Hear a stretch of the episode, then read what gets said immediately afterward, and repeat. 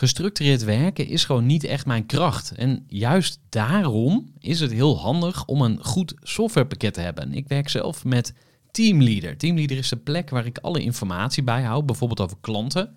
Waarin ik offertes maak en verstuur en die digitaal laat ondertekenen. Waarin ik facturen verstuur, waarin ik lijstjes bijhoud, waarin ik projecten kan managen, waarin ik standaard e-mails kan programmeren. Kortom, ik gebruik Teamleader om alle werkprocessen van mijn bedrijf te stroomlijnen. En zeker ook als je met een team werkt, is het heel fijn om over dezelfde informatie te beschikken.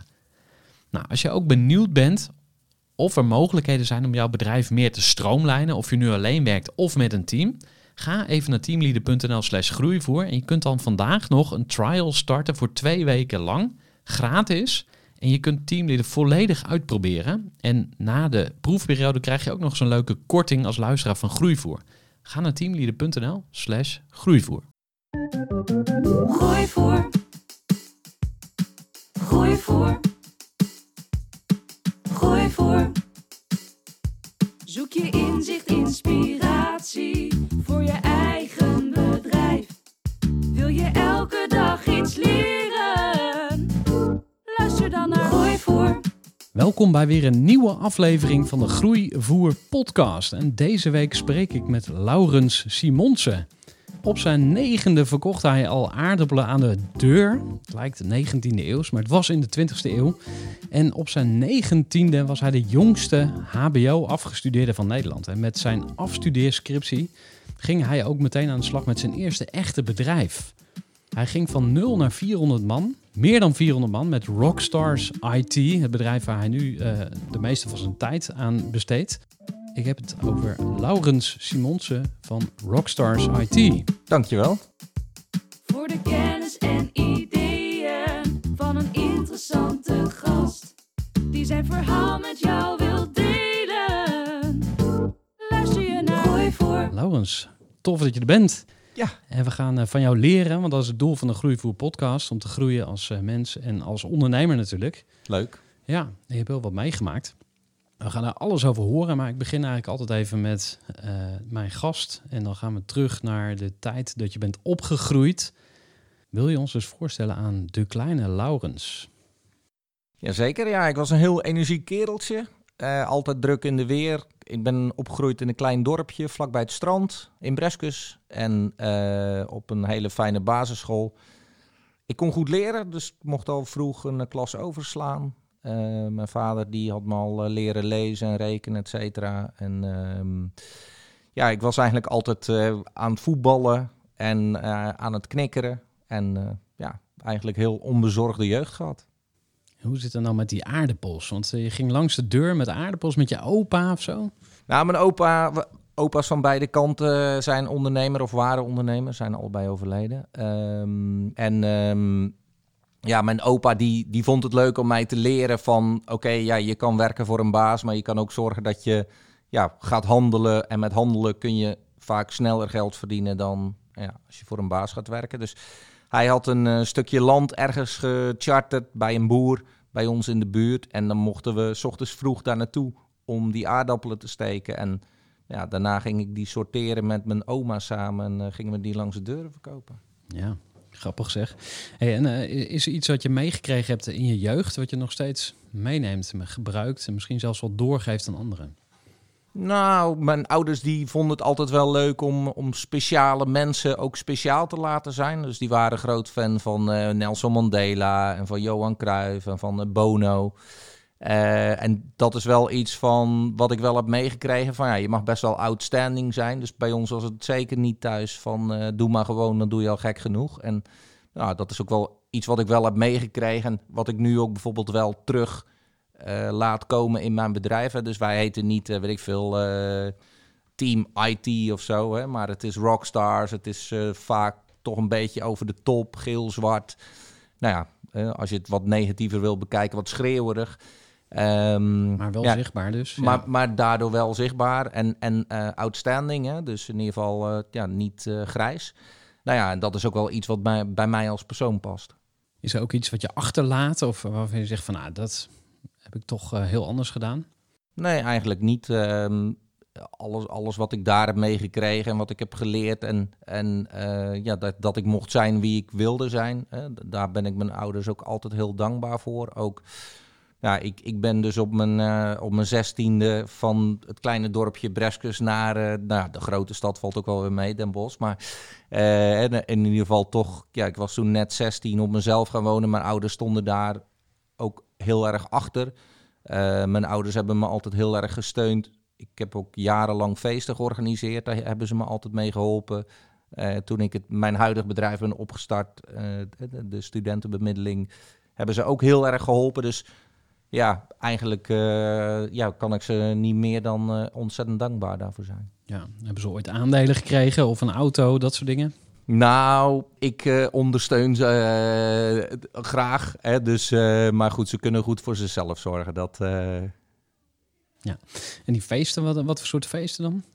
Nou, ik, ik huurde discotheken af. Eh, toen had je die nog. Nou ja, ik zorgde dan dat de discotheken vol kwamen. In, in eerste instantie in de regio waar ik ben opgegroeid, eh, in. Eh, daar was natuurlijk ook niet zoveel te doen. En later ook in eh, Den Bosch, Eindhoven, Tilburg, Breda. En nou ja, ik presenteerde mezelf dan als een soort van studentenvereniging. Carpe Noctem heette ik. Eh, ja, mensen dachten dan ook van, nou ja, dat zal een feest zijn van een studentenvereniging of van een dispuut. Maar nou, dat was ik dan in mijn eentje. Ja, dus pluk de, de nacht. En je, de je nacht, zei ja, dat je ja. een avondmens eh, bent. Klopt, ja. Grappig, hè? Hoe, hoe ziet dat eruit in je ondernemerschap dan? Nou, dat ik vaak tot na middernacht aan het werk ben. En, en vaak ook wat later begin. Dus nog, eh, nog steeds? ja, nog steeds wel. Ja, zeker. Ik, ik doe nu een opleiding aan, eh, aan Harvard in, in Boston. Dus dan ja, heb je ook vaak natuurlijk tijdsverschillen. Dus dan is het van, nou ja, pak een beet eh, half twaalf s'avonds tot half twee s'nachts is het college. Dat komt nog eh, geregeld voor, ja. Ja, interessant. En hoe lang duurde het voordat je erachter kwam? Ik ben een avondmens. Want ik kan me voorstellen dat je in het, in het Nederlandse, of überhaupt in het stramien getrapt wordt van je moet gewoon om negen uur, eh, eh, of Ja, hè, dat is de, waar. de baas Nou, moet er ja, ook als dat- eerste zijn ja, dat is voor waar, de dat is waar. anderen. Ja, ja, ja. Nou, dat, dat, daar erger ik me wel eens aan. Van, eh, als je wat later begint, dan word je als een soort van lui gezien. Van, eh, dat, dat, ik krijg nog wel eens een opmerking eh, als ik dan om half tien eh, naar beneden kom en er zijn werkmensen bij ons thuis die dan, eh, ja, zeg maar, een soort van insinueren dat je lui bent.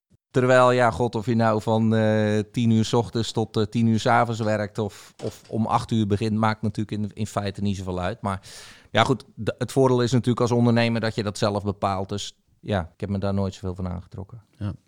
Gaan we naar je eerste echte bedrijf. Studentenbureau. Eh, wat deden jullie precies? Nou, het idee was om, om studenten te bemiddelen voor stage- en afstudeeropdrachten. Ehm, het idee was ook, ja, zoiets is er nog niet. Dus er waren nog geen, eh, geen stagebemiddelaars. Eh, en er waren wel al heel veel uitzendbureaus voor studenten. Welke tijd hebben we het nu over? Eh 98, ja. Eh, dus toen had je Students for Students en ASA en weet ik het wat allemaal had je al. Dus ik, ik dacht van ja, ik moet iets doen wat er nog niet is. En daarom ja, ook dit begonnen. Ja, en wist je toen al een beetje hoe je moest ondernemen? Nou, ik had natuurlijk al die eh, feesten georganiseerd, dan eh, een jaar of vier. En ik had ook een bedrijfje in eh, zonnebrillen, wat ik op markten verkocht. En, en schoenen, oude ehm, voorraden die ik dan opkocht en, en verkocht ook op markten. Dus ik had al wel wat dingen gedaan. Maar ja, goed, als je 19 bent, heel eerlijk, ja, je weet gewoon helemaal niks. En ehm, ik dacht wel dat ik heel veel wist, dus dat is niet zo'n supergoeie combi. Ehm Mooi understatement, maar leg eens uit. Wat, wat gebeurde er dan? Nou, meer van, ik had totaal geen idee van een liquiditeitsprognose. Ik wist ook niet van betalingstermijnen. Dus ja, ik ging ervan uit, als je 10.000 omzet in de maand, dan heb je ook 10.000 binnen. Niet wetende dat je misschien 60 dagen op je geld moet wachten. hè. Dus ik kwam ook continu geld tekort. Eh, ik had heel slecht ingeschat hoeveel we uit moesten geven. Eh, met heel veel dingen ook totaal geen rekening gehouden die we uit moesten geven. Dus ja, dat, dat werd wel, eh, ja, nou, fiasco is een groot woord, maar eh, dat was zeker geen succes in het begin. Nee, want je hebt eh, 30k bij de bank geleend, hoorde ik in een andere podcast. En Ja. moest af en toe ook naar, naar je ouders om, om wat geld, wat fundraising te doen. Ja, dat klopt, ja. Om, om dus die eindjes aan elkaar te knopen. En uiteindelijk heb je wel doorgezet. Ja. Waarom? Je dacht Nou, niet ik- van, oh, dit wordt een moeilijk verhaal, misschien moet ik het anders gaan doen. Nee, want ik had eigenlijk wel meteen het gevoel van, nou, dit zou best eens wat kunnen worden. En het ging ook steeds beter. Dus ja, je, groeit wel gewoon ieder, ieder jaar met, eh met 100%. Dus ieder jaar verdubbelden we. Maar ja, een verdubbeling van weinig is natuurlijk nog steeds weinig. Eh, dus eer dat echt wat wordt, hè, dus eh, dat we meer dan een miljoen omzetten, dat, dat zal, zal zeker vijf jaar geduurd hebben, denk ik. Ehm, ja, dus dat, was gewoon, dat waren gewoon best wel eh, zware tijden. Ja. Wie, wie heeft jou geholpen in die eerste tijd? Nou, mijn ouders sowieso en mijn zus, eh, mijn opa. Ja, en heel veel mensen hebben me toen geholpen. Dus ook, eh, weet ik veel, een, een oude klasgenoot, Paul Lensen heet hij. Die zijn vader, die was drukker bij de energiemaatschappij van Brabant. Dus die drukte gratis mijn brochures en mijn briefpapier. En ja, zo, zo zijn er heel veel mensen die, eh, die hebben geholpen. Waar staat het bedrijf nu? Team Rockstars of studentenbureau? Een studentenbureau? Nou, studentenbureau bestaat nog steeds en is nog steeds ook een belangrijk onderdeel van ons bedrijf. Want dat is eigenlijk de kraamkamer van eh, de IT-studenten. Eh, en ook het idee is ook wel dat we, dat we Team Rockstars ook naar andere branches gaan brengen op termijn. Hè. Dus ik zie dit ook voor me in nou, de accountancy of in de zorg. Eh, en studentenbureau kan daar ook daar een hele mooie kraamkamer zijn eh, en aanvoerlijn van, ehm, ja, van, van eh, ervaren mensen. Ja, dus ehm, het bedrijf bestaat nog steeds, want dat zag ik op je LinkedIn staan van hey, nog steeds eigenaar. Ja. Is er niet een moment ge- geweest waarop je dacht, nou, nu moet ik er vanaf, ik wil het verkopen of je krijgt een mooi aanbod? Nou, daar Want hebben we kan soms ook te lang doorgaan, hè? Ja, dat, dat, dat zeker, hoor je ook wel absoluut. Ja, nou ja, daar zijn we op een gegeven moment zeker naar gaan kijken. En, en zeker toen we door hadden dat Team Rockstar zo'n succes aan het worden was, eh, hebben we wel gezegd van nou oké, wij moeten nu gewoon zorgen dat we ofwel dat we eh, het verkopen, ofwel dat we iemand vinden die het 100% voor ons runt en dat we er ook niet meer wakker van hoeven te liggen. Hè? Eh, en toen hebben we iemand gevonden die zich voor 30% heeft ingekocht en die ook eh, daar eh, de, de directeur is. Ja. Eh, en een ander pand gevonden waar zij in zitten. Dus zij zitten ook niet meer bij Team Rockstars in het pand. Ja, waardoor het voor ons nu geen energie meer kost. Ja, en die persoon die zich ingekocht heeft, wat, wat voor type is dat?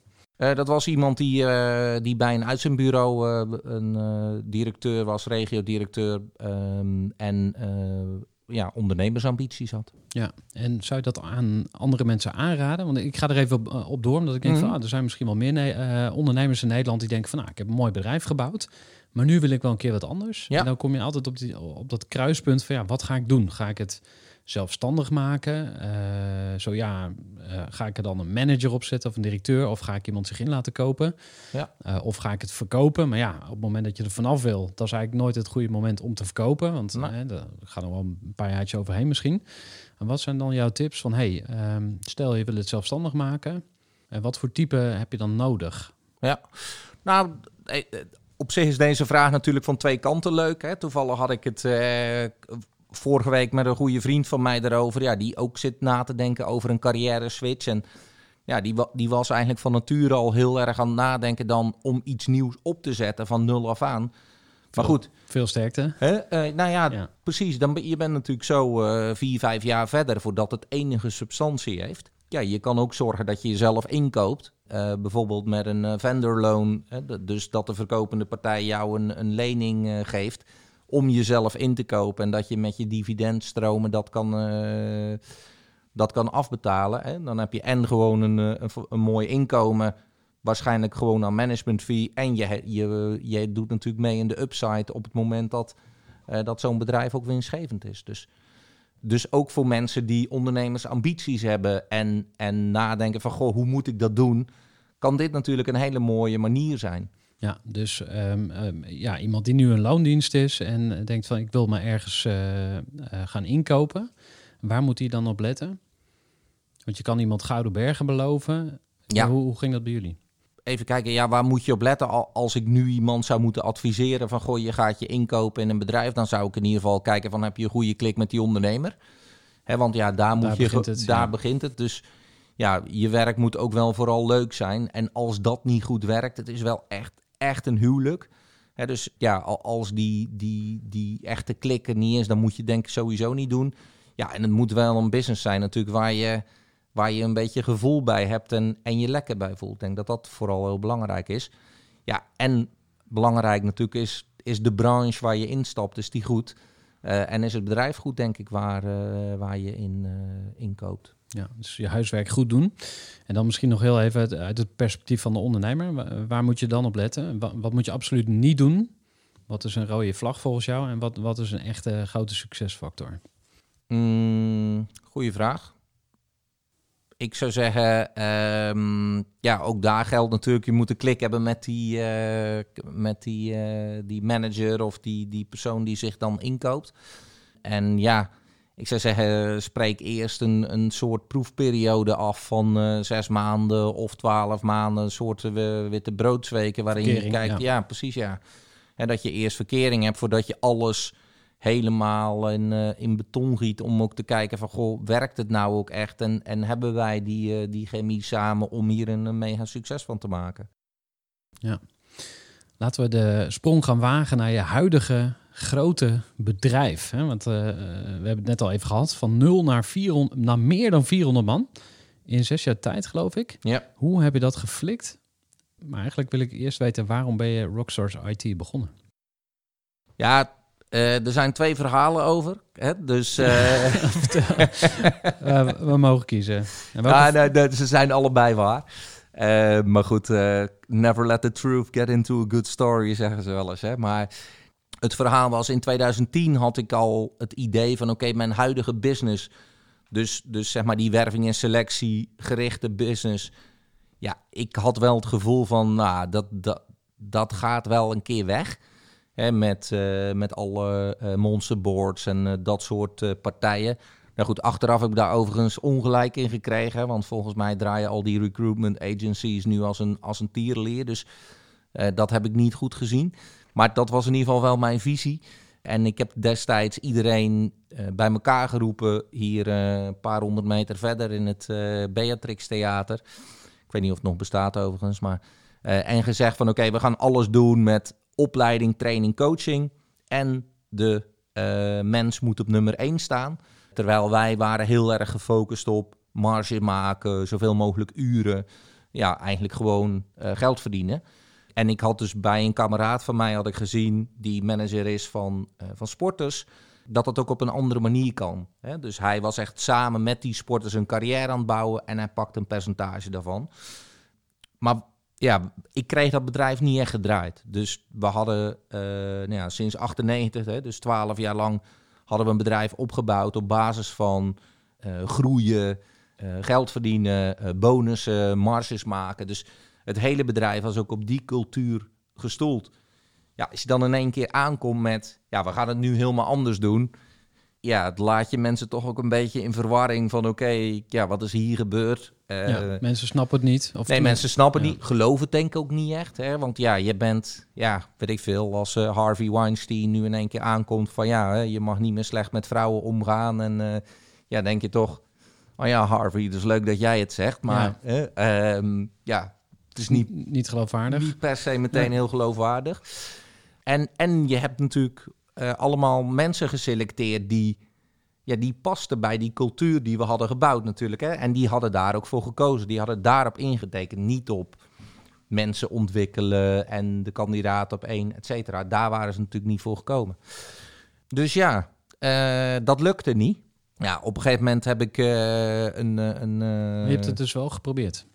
Ik heb het zeker geprobeerd, Ja, absoluut. Dus, dus je dacht niet van, ja, dat, hier gaan ze nooit in mee. Dus ik ga meteen een nieuw bedrijf starten. Je hebt wel inderdaad eh, het podium eh, Zeker. beklommen. En, Zeker. En, en eh, ik had om die opleidingen een, een cachet te geven, had ik een, een ervaren man van buitenaf aangetrokken, Jos. Die is nu directeur van de grootste MBO in onze regio. Die had daarvoor een groot opleidingsbedrijf gehad. Dus ja, dat was ook echt een man die, die daar wat vanaf wist.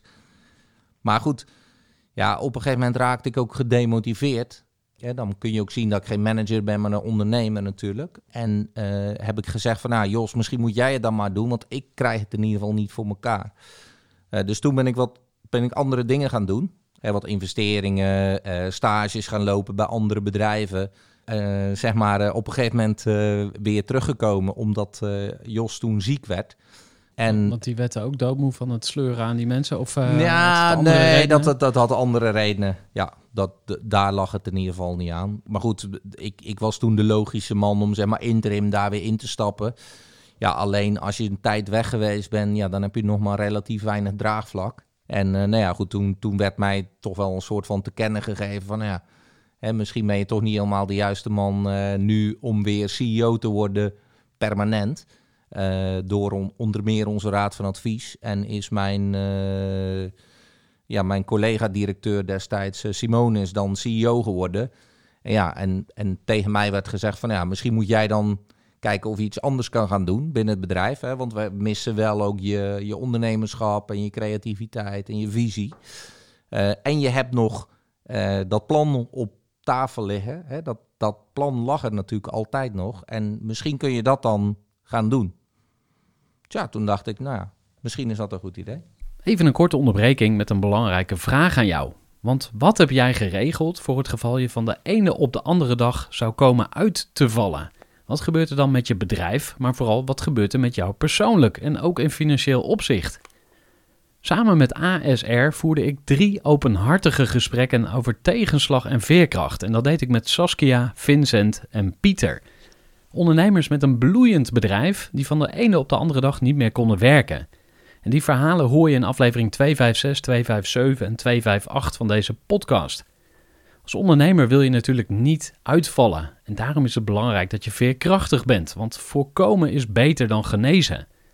En als het dan toch misgaat, is het fijn dat je iets geregeld hebt, zodat je weer snel door kunt met ondernemen.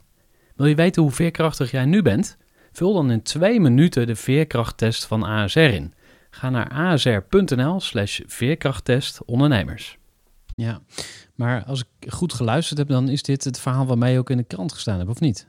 Klopt, Want ja. daar stond een ronkende kop boven. eh, eh, je, je eigen bedrijf uitgezet. Of ik weet niet meer precies hoe de kop luidde. Maar het kwam erop neer dat je uit je eigen bedrijf gezet was. Door. Ja, door, door eh, de raad van advies of door mijn, eh, ja, mijn toenmalige collega-directeur Simone. Ja, oké. En hoe kijk je daar achteraf op terug?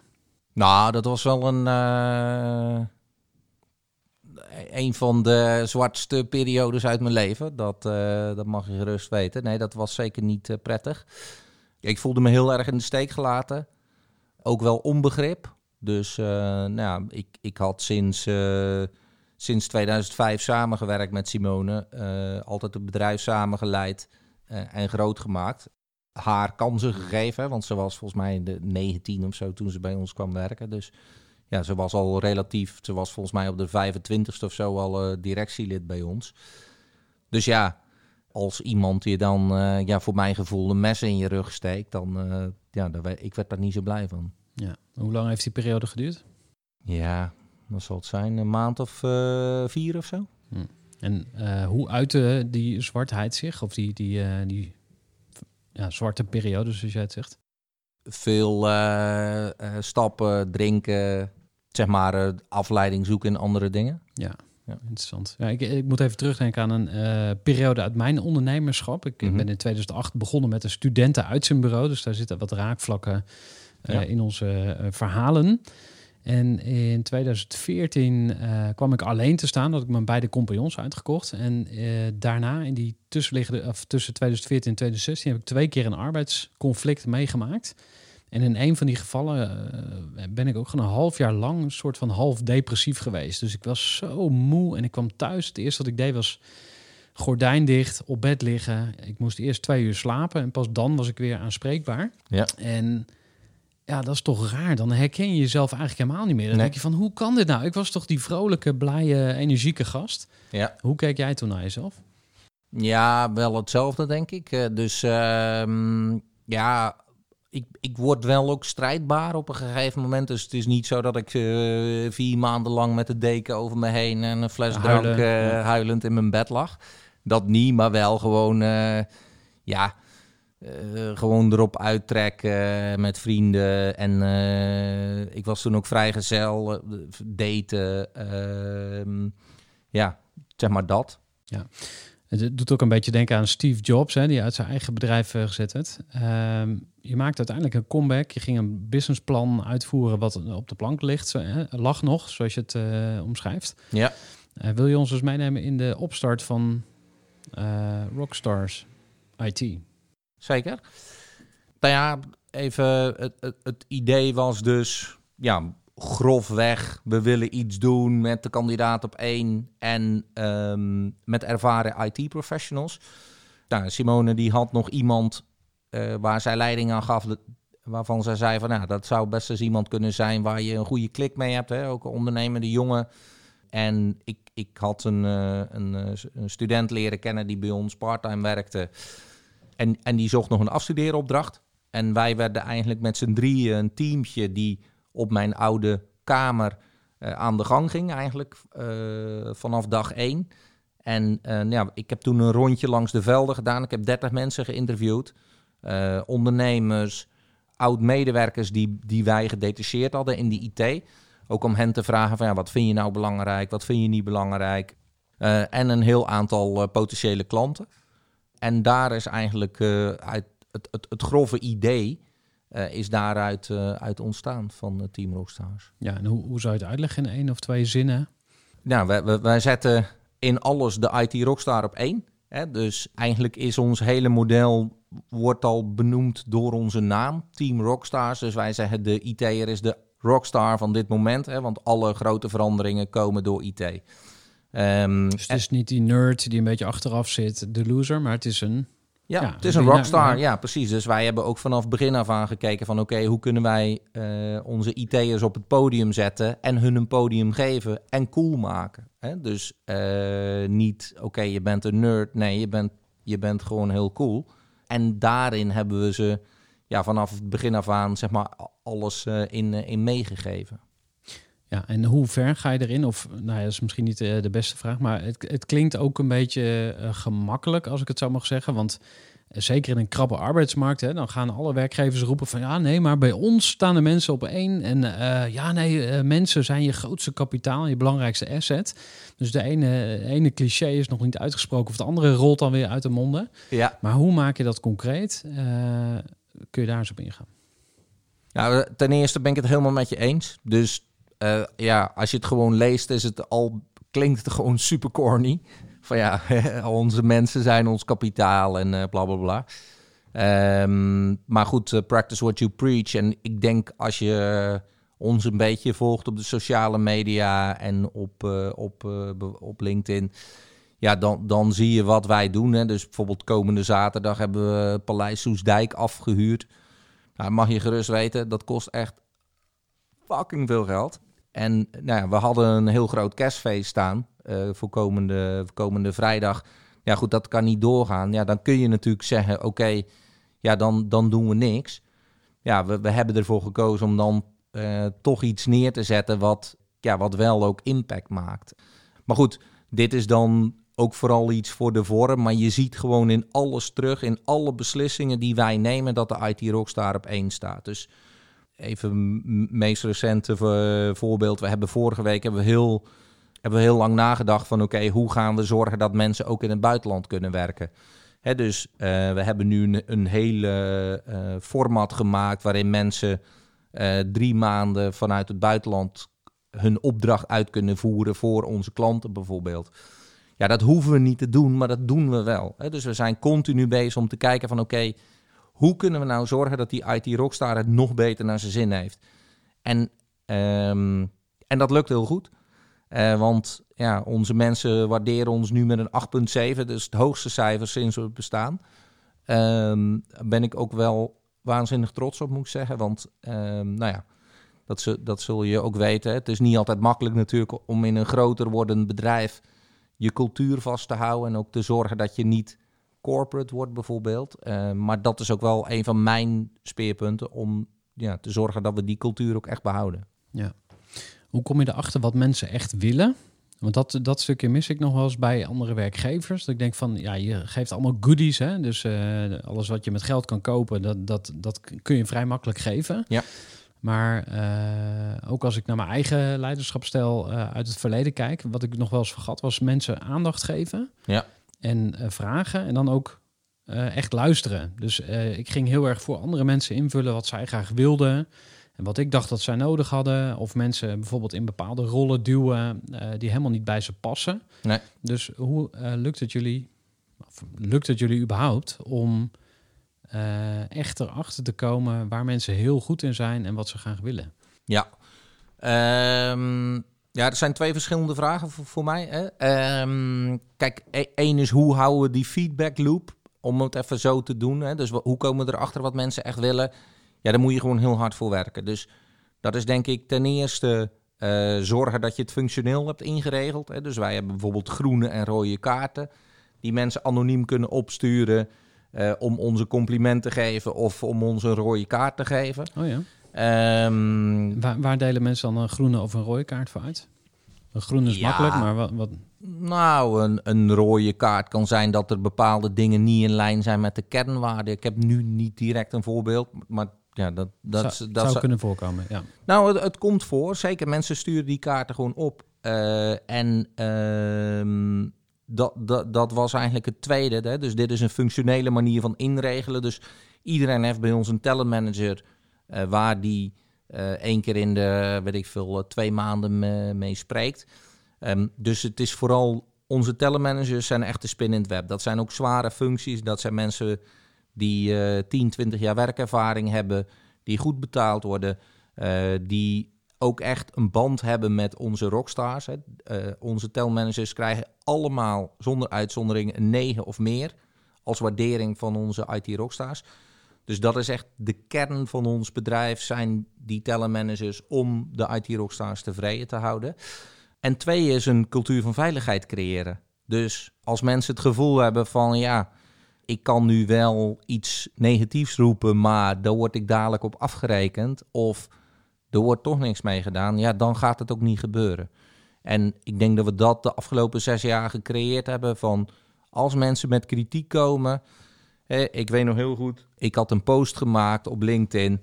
Of ja, eigenlijk onze event manager, een vrouw had dat gedaan. We hadden een, een take your... Nee, sorry, we hadden een better half party.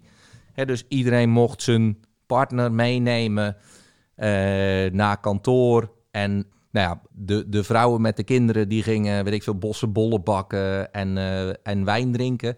Dus ik had een post gemaakt van, nou, of in ieder geval Mirjam had dat geschreven, maar ik vond dat ook lollig. Van oké, ja, de mannen gingen strategie-sessie doen. eh, en de vrouwen gingen doen waar zij goed in waren. Namelijk bossen bollen maken en wijn drinken en eh, keuvelen. Natuurlijk, ja, viel niet bij iedereen smaak. nee, maar goed. Maar eh, een van onze IT rockstars die eh, stuurde daar op ons interne eh, dingen een, een heel kritische noot over. Van luister, hè, eh, ik vind dit punt 1 heel seksistisch. En punt 2, het is misschien grappig bedoeld, maar het is eigenlijk gewoon helemaal niet grappig. Want hè, mijn vrouw is toevallig ook developer. Die moet dit soort opmerkingen dus al jarenlang horen. En dit soort onderhuidse opmerkingen, ja, dat maakt iemand wel kapot. Dus het lijkt onschuldig, maar Ja, het zit wel Precies. wat dieper. Ja. best wel stevige kritiek natuurlijk. Hè, dus ja, dan kun je daarop een, eh, op, ja, kun je in je wiek geschoten zijn. Of, hè, maar ja, je kan ook daar dan heel volwassen mee omgaan en ja, daar iets mee doen. En ja, zo komt er best heel vaak hele stevige kritiek vanuit onze IT rockstars. eh, waar we dan ook echt iets mee doen. ja. Hoe ga jij met kritiek om? Ja, niet zo goed. Vertel eens. Nee, ik ben niet zo heel goed in kritiek ontvangen. Ja, eh, het- en mijn eerste reactie is altijd: dat is niet waar en belachelijk. En eh, wie ben jij om dat tegen mij te zeggen? En dan eh, duurt het altijd even voordat het ingedaald is. En dan een half uur later denk ik: maar misschien zit er toch wel iets in. En dan een dag later, dan doe ik er iets mee. Ja. Ik moest even denken aan ehm eh, AFAS, softwarebedrijf, waar Bas van der Veld een professionele hofnar in dienst genomen heeft. Dus ze hebben daar volgens mij met een bedrijf van buiten of zo, maar ze hebben gewoon mensen eh, in dienst genomen die hun een spiegel voorhouden. En Ja. daar moest ik even aan denken toen je het verhaal vertelde van ja, hoe ga je met kritiek om? Want het gaat eigenlijk over eh, zelfreflectie en over ehm, ja, zelf groeien en leren. Ja. Nou, zijn er meer mensen die jou eh, een spiegel voorhouden? Hoe heb je dat georganiseerd? Ja, we hebben sowieso een raad van advies. Eh, dat is ook wel. Nou ja, je vroeg vooraf nog wat heb je voor tips voor ondernemers. Dit is een van de allerbelangrijkste tips. Dus zorg dat je mensen om je heen hebt waar je ook het liefst een beetje tegenop kijkt. ehm, en waar je dingen van aanneemt. Nou, onze raad van advies heeft bij ons echt cruciale veranderingen in gang gezet. Ja, mijn vrouw is wel een van mijn eh, voornaamste criticasters. Eh, Hoe heet ze? Simone. Ja, ik was even in, in verwarring, maar, maar, maar de vrouw die jou dus uit je andere bedrijf ge, gescupt heeft, die, eh, dat is ook jouw vrouw. Dat is inmiddels mijn vrouw, ja. Destijds eh, niet. Zoals je denk ik net al wel eh, hoorde. Maar ja, zij is ook altijd een van mijn belangrijkste criticasters geweest. Ja goed, en, en ik heb altijd gezorgd dat ik een coach had. iemand waar ik gewoon één keer in de zoveel tijd mee spreek. Die geen belang heeft op geen enkele manier. En nou ja, betaald wordt om mij een spiegel voor te houden. eh, en dat dan ook doet. Misschien even in- eh, inzoomen op dat eh, raad van advies stuk, want dat kun je op allerlei manieren doen. Mhm. Ik herinner me dat wij een raad van advies hadden, ik geloof van 2008 tot 2016 of zo, 2017. Mhm. Maar dat was vrijwilligerswerk, het was gratis. En ik merkte dat wij daardoor het advies soms ook minder serieus namen. Dus we zeiden Ja. van ja, ja, nee, inderdaad, goed idee. En dan gingen we gewoon weer verder met waar we mee bezig waren. Dus dat is eh, iets waar je over na kunt denken. Van ja, moet je je, je raad van advies betalen of niet? Eh, wat voor afspraken maak je? Hoe vaak zie je elkaar? Hebben ze echt wat te vertellen? Of hoe, wat, wat zijn jouw ervaringen? Wat werkt en wat niet? Nou, er zijn denk ik een paar dingen. Eén, ja, ik zou altijd betalen.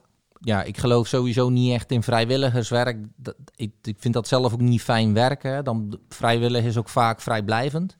Eh, van beide kanten dan. En wij komen één keer per kwartaal bij elkaar. Ehm, nou, wat ik net al zei, het helpt wel als je mensen hebt waar je ook tegenop kijkt. Ja, noem dus- eens iemand. Ja, we hadden bijvoorbeeld altijd Rob van der Laan. eh, dat is een, eh, een oud bestuursvoorzitter van Boer en Kroon. Toen dat nog heel succesvol was. Eh, en daarna private equity partner bij, eh bij Bensis. En nu heeft hij zijn eigen fonds. Ja, dat is een man waar ik ongelooflijk veel van heb geleerd. Eh, en die ook, ja, toen wij binnenkwamen, meteen de vinger op de zere plek legde. Van ja, oké, ik zie hier zeven bedrijven. Ja, wat er hier voor kerm is opgetuigd met 15 MT-leden, met weet ik het wat allemaal voor eh 10 miljoen omzet of weet ik het hoeveel toen was. Eh, van ja, dit, dit, eh, dit kan nooit gaan werken. Ja, dat, dat soort dingen zijn wel echt wel eh, decisive geweest. En ja, hebben heel veel dingen in gang gezet. Ja, dus betalen is één, de juiste mensen erin. Ja. En wat nog meer? Ja, ik zou zeggen, neem het serieus. Dus wij, wij bereiden zo'n sessie altijd heel goed voor. Zorgen dat we ook echt vragen hebben. Dus ja, wat wil je nou van deze personen weten? Ja, en besteed ook aandacht aan de selectie. Hè? Dus zorg ook gewoon dat je echt hele goede mensen daarin hebt zitten. Ja. Even terug naar Team Rockstars IT. Eh, we hebben het even eh, aan het begin gehad van hoe zijn jullie begonnen? Nou, met z'n drie op een kamer. Dat was eigenlijk een soort start-up. En dan even fast forward naar het huidige moment. Want Mhm. waar staan jullie nu? Ja, we hebben, ik zag net eh, de 350ste Rockstar aangenomen vandaag. Dus dat is eh, denk ik eh, mooi nieuws. En eh, Maar je zei 400 plus. Ja, maar er zijn ook mensen die geen IT-rockstar zijn. Dus die doen sales of de boekhouding. Ah, oké, dus dat of, is- eh, Dat zijn de burners. Of, dat zijn de fee-burners inderdaad. En wij kijken ook graag van hoeveel fee-earners hebben we. En daarvan hebben we vandaag die 350ste aangenomen. Gefeliciteerd. Dankjewel. Ja. ja, het gaat gewoon ongelooflijk hard. Dus we nemen dit kwartaal denk ik 50 man aan. En eh, ja, dat zal komend jaar niet minder worden. Dus wij verwachten komend jaar eh, toch wel eh, 200 man ongeveer aan te nemen. Zo. Gaan er natuurlijk ook af en toe nog wat weg. Volgens mij dit jaar nu iets van 25 of zo. De meeste worden overigens ZZP'en. Dat is ja, op zich mooi.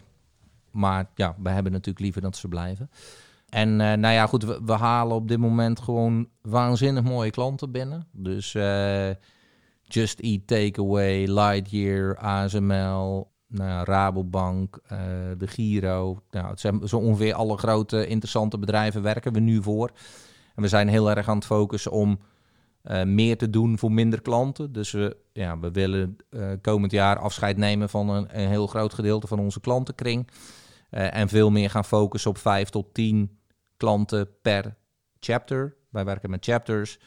En dat is eigenlijk een regio. En dat is overigens ook weer ingegeven door onze IT rockstars. Dus we hebben op een gegeven moment gevraagd aan onze Board of Excellence, soort ondernemingsraad, maar dan eh, nou ja, hebben we er een rockstars eh, sausje overheen gegooid. Eh, en die, hè, dus toen hebben we voorgelegd van ja, willen we over de as van de techniek. Hè, dus wil je Java developers, front-end developers, willen je over die as de mensen gaan delen? Nou, mensen zeiden nee.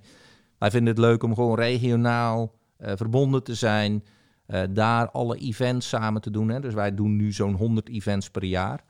Ehm, en, en nou ja, de, die as is voor ons als bedrijf voering niet altijd handig. Hè? Dus eigenlijk is het veel handiger om over de as van de techniek geregeld, eh, georganiseerd te zijn. Maar goed, nou ja, practice what you preach. Hè? Dus wij zeggen, first, ja. ja. de IT rockstar staat op nummer 1. Dus als jullie dit zo willen, dan gaan we dat zo doen. Ja. Voordat je begon met dit bedrijf, heb je eh, marktonderzoek gedaan, dat vertelde je. Maar ehm, we hadden het in het voorgesprek ook even over van... Hey, hoe kies je nou de markt uit waar je eh, op wilt gaan opereren? Hè, dus je kwam van studentenbureau. Ja. En je hebt op een gegeven moment de keuze gemaakt van... hey, ik ga in deze markt stappen. En zo te zien is dat een goede keuze geweest. Ja. Wist je dat toen al van... hey, dit is lucratief, hier ga ik op instappen? Of is het een beetje... Ja, dat wist ik wel. eh, ja, oké. Nou goed, dat is wel. Het, kijk, het is zo'n beslissend moment waarop je bepaalt in welke markt je gaat opereren. En voor je het weet zit je daar jarenlang aan vast. Hè? Dus het is niet iets van. Ja, je bedenkt vandaag in welke markt je gaat beginnen. En eh, nou ja, goed, als het niet bevalt, dan doe je het over een jaar. Ga je in een andere markt. Zo werkt het niet. Hè, dus ja, dat, dat, dat heb ik overigens zelf altijd fout gedaan. Daar geen onderzoek naar gedaan bij mijn andere bedrijven. En ja, dan duik je gewoon in de markt ook maar gewoon op een soort van gut feeling. Maar er is zoveel informatie beschikbaar over hoe groot de markt is, eh, hoe hard de markt groeit. Doe alsjeblieft even vier uur je huiswerk en kijk hoe zo'n branche ervoor staat. Eh, ik wil het even onderstrepen en ook eh, nog op, op doorvragen. Want ik heb een bedrijf in de facilitaire branche, als je het zo Ja. wil zeggen. Hè? Mhm. Dus eh, het, het bedrijf heet Eager People. En dan kijk je naar die markt en dan zie je dat het een beetje krimpt. Hè? Dus het, het kantooroppervlak krimpt. Het is best wel een competitieve markt hè? met schoonmaakbedrijven, verhuisbedrijven, eh, al dat soort partijen die om dezelfde eh, handel eh, met elkaar vechten. Maar misschien is dat ook alleen maar mijn perceptie. Dus ik zou dan inderdaad op onderzoek moeten uitgaan van... Hey, wat zijn nou de getallen, wat hoort erbij? Ja. Ehm, maar je kan ook omdraaien en zeggen van... hé, hey, maar concurrentie is eigenlijk helemaal niet belangrijk. Ga uit van je eigen competentie. Vraag de prijs die je wil hebben. Dus zorg voor een goede positionering, voor een goede pricing. Ehm, dus naar je concurrenten kijken. Je kan ook argumenten verzinnen om het niet te veel te doen... en om juist van eigen kracht uit te gaan. Ja, Of is dat naïef? Ehm, ja eigenlijk wel. Kijk, Ja, maar e- even, even Ja, daar ja. nog op doorgaan dan. Want eh, stel je, eh, wat ik ook bedoel is dat je naar je concurrenten kijkt. En dat je zegt van, ja, zij zitten op, eh, weet ik veel, 50 euro per uur. Nou, we gaan er net 2 euro onder zitten. Mhm. Kijk, ik snap dat dat niet slim is. maar goed, dan ben je een commodity. Ja, precies. Eh, en en ik, is denk ik belangrijk om daar goed naar te kijken. Overigens, dit heb ik ook van, van Rob van der Laan eh, geleerd. En ik, ik heb toevallig net een vak private equity eh, gevolgd. Ehm, maar private equity kijkt altijd eerst naar de branche. Dus als een branche 10% omhoog gaat en jij doet het medium, dan ga je ook altijd nog 10% omhoog. Zit je in een branche die 5% omlaag gaat, ja, dan moet je het al heel goed doen, wil je überhaupt op nul blijven. Ja. Hè? Eh, als ik kijk naar mijn concurrenten, eh, hun jaarrekeningen, die zitten allemaal gewoon op 10 tot 20 procent eh, EBITDA-percentage. Dus die verdienen allemaal gewoon hartstikke goed geld. Ja, dan moet je het al slecht doen. ja, wil je wel- geen- geen precies, geld Dan moet je het wel heel erg verkloten. Ja. Ja. precies. Dus het helpt heel erg om in een branche te gaan zitten waar punt 1 de EBITDA-marges goed zijn. Ja. En punt 2 die hard groeit. Ja. Hè, dus, dus natuurlijk kun je ook in een branche die eh, heel moeilijk is. Nou ja, kijk naar Picnic. ja, uh, supermarkt is best wel een lastige branche om geld in te verdienen. Het zijn heel lage marges, groeit niet super hard. Ja, zij zijn disruptor. Maar kijk, ik, dat is ook wel waar ik ondernemers altijd voor, voor waarschuw. Hè? Dat noemen ze de survivors bias. Ja, mensen kijken naar die, naar die uitzondering, zoals Picnic. Of weet ik veel, naar die voetballer Lionel Messi verdient 100 miljoen. Ja, maar de linksback van de Bos niet dus is het een handige zet, carrière move om voetballer te worden? Nee, waarschijnlijk niet. In ieder geval niet voor je bankrekening. Dus kijk alleen naar de bedrijven of de, de mensen die het overleven en de rest die uh, overleden, zeg maar, daar, Precies. die zien we niet. Nee, want zeg maar, we kijken naar die ene overlevende en die 99 die het niet overleefd hebben, daar kijken we niet naar. En aan die ene overlevende meten we af hoe goed zo'n branche is. Maar dat is, dat is niet correct. Ja, en hoe heb jij dat bepaald dan? Van waar zat in jouw beleving het, het, gat in de markt? Waar jullie ingesprongen zijn? Ja, kijk, wij hebben natuurlijk het, het businessmodel een kwart gekanteld. Dus wij hebben gezegd, oké, wij gaan uh, ehm, 30% van het uurtarief gaat naar ons toe en 70% gaat naar uh, de IT Rockstar toe. En we gaan het ontzettend transparant doen. En we gaan die eh, IT Rockstar op nummer 1 zetten. En we gaan een community creëren. Ja, we hebben uh, meerdere dingen die we, uh, die we anders doen dan onze concurrenten. En wij verdienen iets minder marge. Dus wij zitten op 30%, waar onze concurrenten op 40, soms op 50 zitten. dus wij houden iets minder van de koek bij onszelf. En, en natuurlijk dat businessmodel een kwart gedraaid. Dat is denk ik wat ons echt onderscheidt. Ja, en wat zijn dan de concurrenten?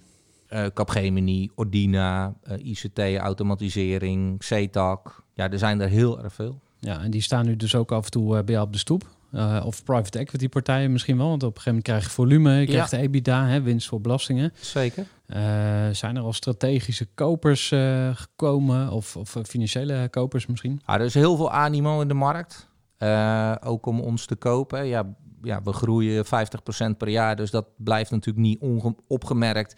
Plus ja, Ordina ziet, uh, weet ik veel, dit jaar 20 man naar ons toe gaan. Ja, op een gegeven moment denken ze daar natuurlijk ook van, wow, wat, wat is daar aan de hand? Dus ja, dat blijft niet onopgemerkt. Maar kijk, wij hebben ongelooflijk veel lol in het ondernemen. Wij zien enorm veel kansen voor ons. Hè. Dus wij denken ook zelf overnames te gaan doen op, op termijn. Wij denken ook om zelf naar het buitenland te gaan. Daar zou ik nog iets meer robuustheid voor willen hebben als, als onderneming. Hoeveel denk je nodig te hebben aan groeikapitaal? Of aan buffer? Nou, uh, niet zoveel. Kijk, wij zijn best wel goed winstgevend. Uh, en met die winstgevendheid kunnen wij hele mooie bedragen ophalen bij reguliere financiers. Waardoor we hele mooie overnames kunnen doen. Dus wij zien niet echt een probleem in uh, onze uh, financierbaarheid van eventuele overnames die, willen, die we willen doen. De robuustheid zit meer in hoe is je management ingeregeld? Is dat voldoende sterk? Hebben we ook mensen aan boord uh, die buitenlandervaring hebben? En dat zijn dingen die we nu nog niet hebben. Ah, dus het gaat eigenlijk vooral om of de organisatie het aan kan en niet of, ja. of je het financieel nee, aan kan. Dat is niet het issue. Nee. Oké, okay, interessant. Um, kun je je voorstellen dat je ooit uitgekeken bent op het bedrijf? Hoe lang, oh, waar ligt soort van de grens? Duizend man, tienduizend man? Eh, ja, denk je vind... zo of hoe denk je? Nee, zo denk ik niet. Uh, kijk, ik probeer mijn, mijn uh, baan ook wel af te wisselen. Dus uh, ik ben samen met Simone ook bezig met investeringen. Uh, Simone en ik zijn nu voorbereiding aan het treffen om een impactfonds te gaan doen. Um, cool. Ja, dus dat is heel leuk. Ja, we gaan eerst 18 maart drie maanden naar Spanje. en daar gaan we deze plannen, gaan we overigens vanuit daar werken. Dus zeg maar... Remote. Ja, nou ja, wat ik net zei, van dat we dat van de week hadden aangekondigd om hè, dat mensen ook in het buitenland kunnen werken bij ons. Nou, lead by example, hè, ja. zeggen ze wel eens. Dus uh, wij dachten, dat gaan we dan ook meteen zelf doen. Um, Heb je al een naam voor je impactfonds? Nee, nou eigenlijk zitten we wel over na te denken van eh, misschien iets van fun capital of cool capital. Uh, omdat wij denken van we, we zouden het ook heel erg graag over de as van blije medewerkers willen doen. Dus ik geloof ook heel erg. Ik hoor overal horeca-ondernemers. Nou, janken is een groot woord, maar in ieder geval klagen dat ze niet over personeel kunnen komen. En denk ook, ja, je betaalt ze ook gewoon waanzinnig slecht. Ze moeten ontzettend veel uren draaien.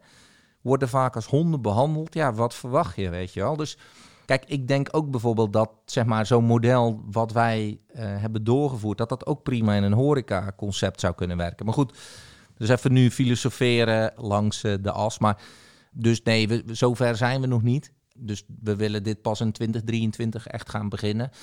Maar, ehm, sorry, ik eh, dwaal af. Zeg maar, die investeringen zorgen er ook weer voor dat ik eh, lol houd in Team Rockstars. Dat, dat is eigenlijk een beetje mijn punt. Kijk, en nou, ik ben sinds 98 ondernemer.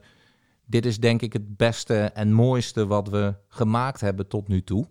Dus ik wil hier ook wel gewoon graag bij zijn. Ik zou het best zonde vinden als je 23 jaar ergens aan gebouwd hebt en ja, Komt eh, eh, eh, de nou, grote ik weet- doorbraak. Ja. ja. Ja, precies. Ja. Ik weet niet of je voetballiefhebber bent, maar stel je hebt een voetbalclub opgericht en je dreigt bijna landskampioen te worden en het jaar erop de Champions League te winnen. Ja, dat zou toch wel zonde zijn als je dan nu uit gaat stappen. Ja. Dus ja, dat is wel een beetje hoe ik daarnaar kijk. Je schreef ook ehm, over internal branding. Ja, Daar wil ik het ook nog met je over hebben. Want ehm, ja, ik ben eigenlijk wel benieuwd naar het concept. Volgens mij is het niet iets eh, wat net verschenen is. Dus het is al van een tijdje terug. Maar het heeft toch een doorbraak voor jou eh, opgeleverd. Ja. Wil je ons eens meenemen in dat verhaal? Zeker. Ik, ik was dus met Jos, eh, dat was dan de CEO zo eh, 2012, 2013, eh, waren wij samen het bedrijf aan het besturen met Simone. Eh, en eh, nou ja, Jos is, eh, weet ik veel, tien jaar ouder dan ik of zo. En ja, die vond het eigenlijk maar een beetje studenticoze bende. Even oneerbiedig gezegd dan. En nou ja, ik, ik stuitte toen op deze man, Mark van Eck. die dat boek heeft geschreven, die internal branding. En die heeft toen een onderzoek gedaan van... oké, waar sta je nou voor als bedrijf? Hè? Wat is je DNA? En daar kwam eigenlijk uit dat wij de hartelijke avonturier waren. Hij heeft een model waarbij jij zegt van... het maakt eigenlijk niet zo heel veel uit wat je nou bent. Hè? Ben je de zorgzame of ben je de vernieuwer... of ben je de, zoals wij, de avonturier, hè? de hartelijke avonturier... Maar je moet het wel in alles doorvoeren. Dus je moet niet willen dat je, eh, weet ik veel, eh, de proceskoning bent als je er niet bent. Dat was voor mij een hele wijze les. Dus daarvoor dacht ik, ging ik eigenlijk met Jos mee. Hè? Dus die zei tegen mij van, nou, het moet professioneler en eh, ja, hè, we moeten meer procedures en op een andere manier dingen inrichten. Maar daar had hij overigens gelijk in. Hè? Dus daar, geen, eh, daar doe ik geen eh, dingen aan. Maar daardoor raakten we wel ook een deel van onze, ja, hoe noem je dat? Onze mojo kwijt. En toen we Team Rockstars begonnen, dacht ik van, fuck it, we gaan gewoon iets maken wat gewoon waanzinnig cool is, wat avontuurlijk is, wat heel erg hartelijk is en heel erg over de top. En dan gaan we het ook in alles doorvoeren. Dus eigenlijk is het natuurlijk een belachelijke naam, Rockstars. Eh, hè, want ja, mensen, weet ik veel, IT'er, nerd, eh, bla bla bla.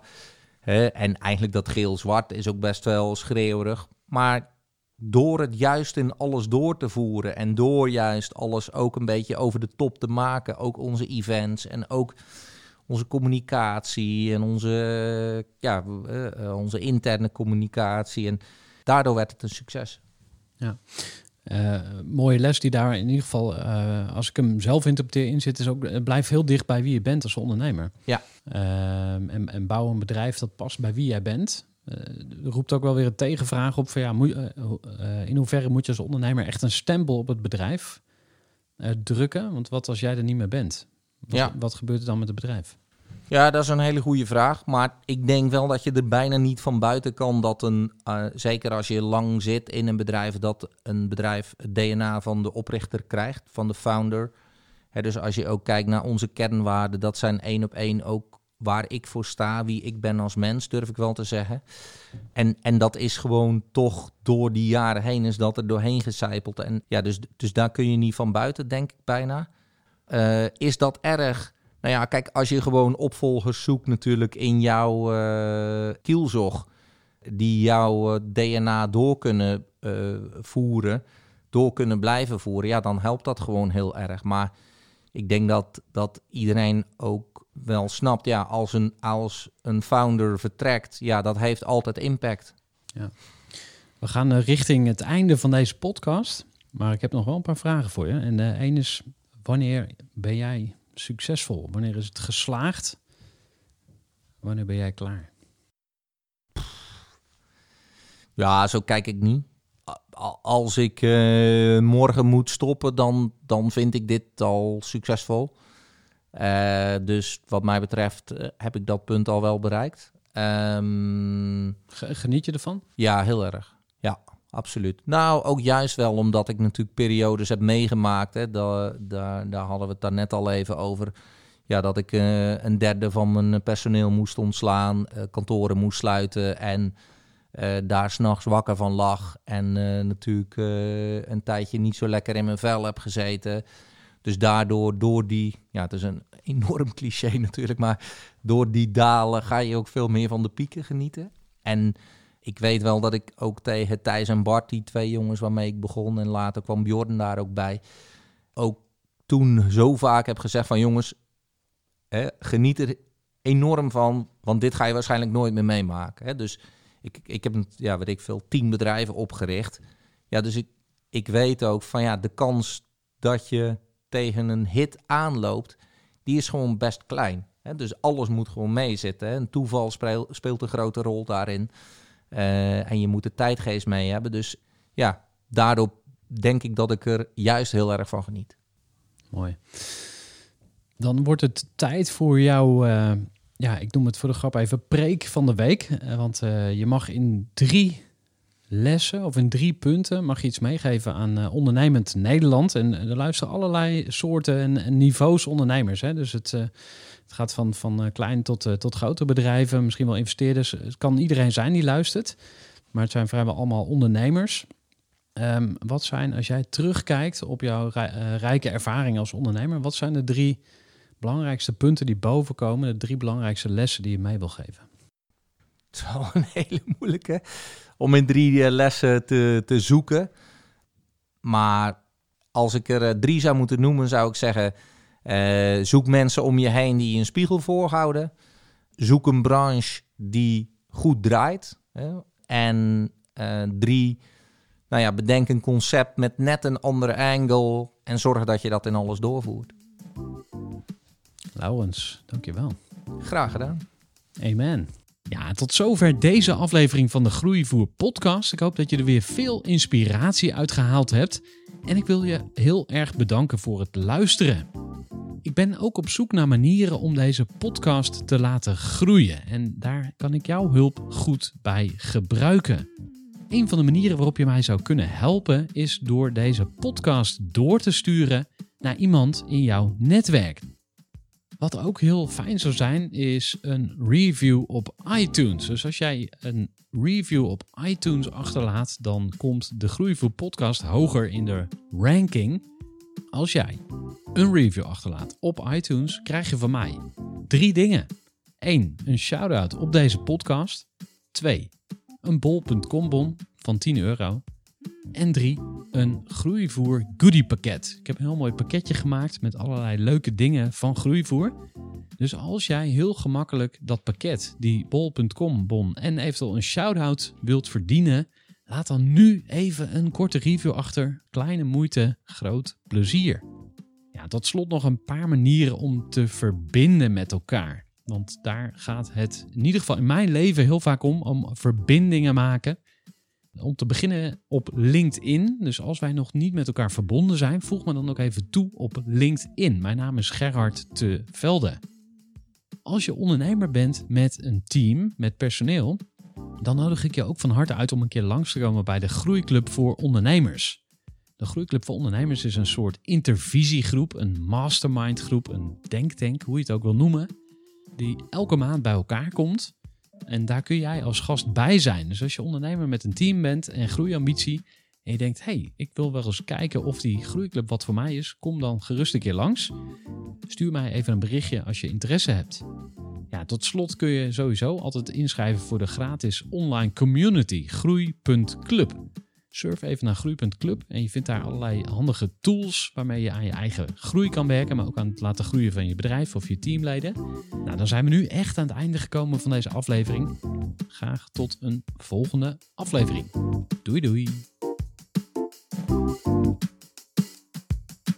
Gooi voor.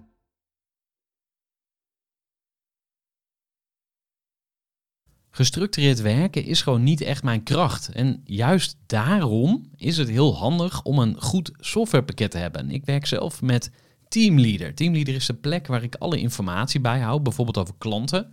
Waarin ik offertes maak en verstuur en die digitaal laat ondertekenen. Waarin ik facturen verstuur, waarin ik lijstjes bijhoud, waarin ik projecten kan managen, waarin ik standaard e-mails kan programmeren. Kortom, ik gebruik Teamleader om alle werkprocessen van mijn bedrijf te stroomlijnen. En zeker ook als je met een team werkt, is het heel fijn om over dezelfde informatie te beschikken. Nou, als je ook benieuwd bent of er mogelijkheden zijn om jouw bedrijf meer te stroomlijnen, of je nu alleen werkt of met een team, ga even naar teamleader.nl slash groeivoer en je kunt dan vandaag nog een trial starten voor twee weken lang, gratis. En je kunt Teamleader volledig uitproberen. En na de proefperiode krijg je ook nog zo'n leuke korting als luisteraar van Groeivoer. Ga naar teamleader.nl slash groeivoer.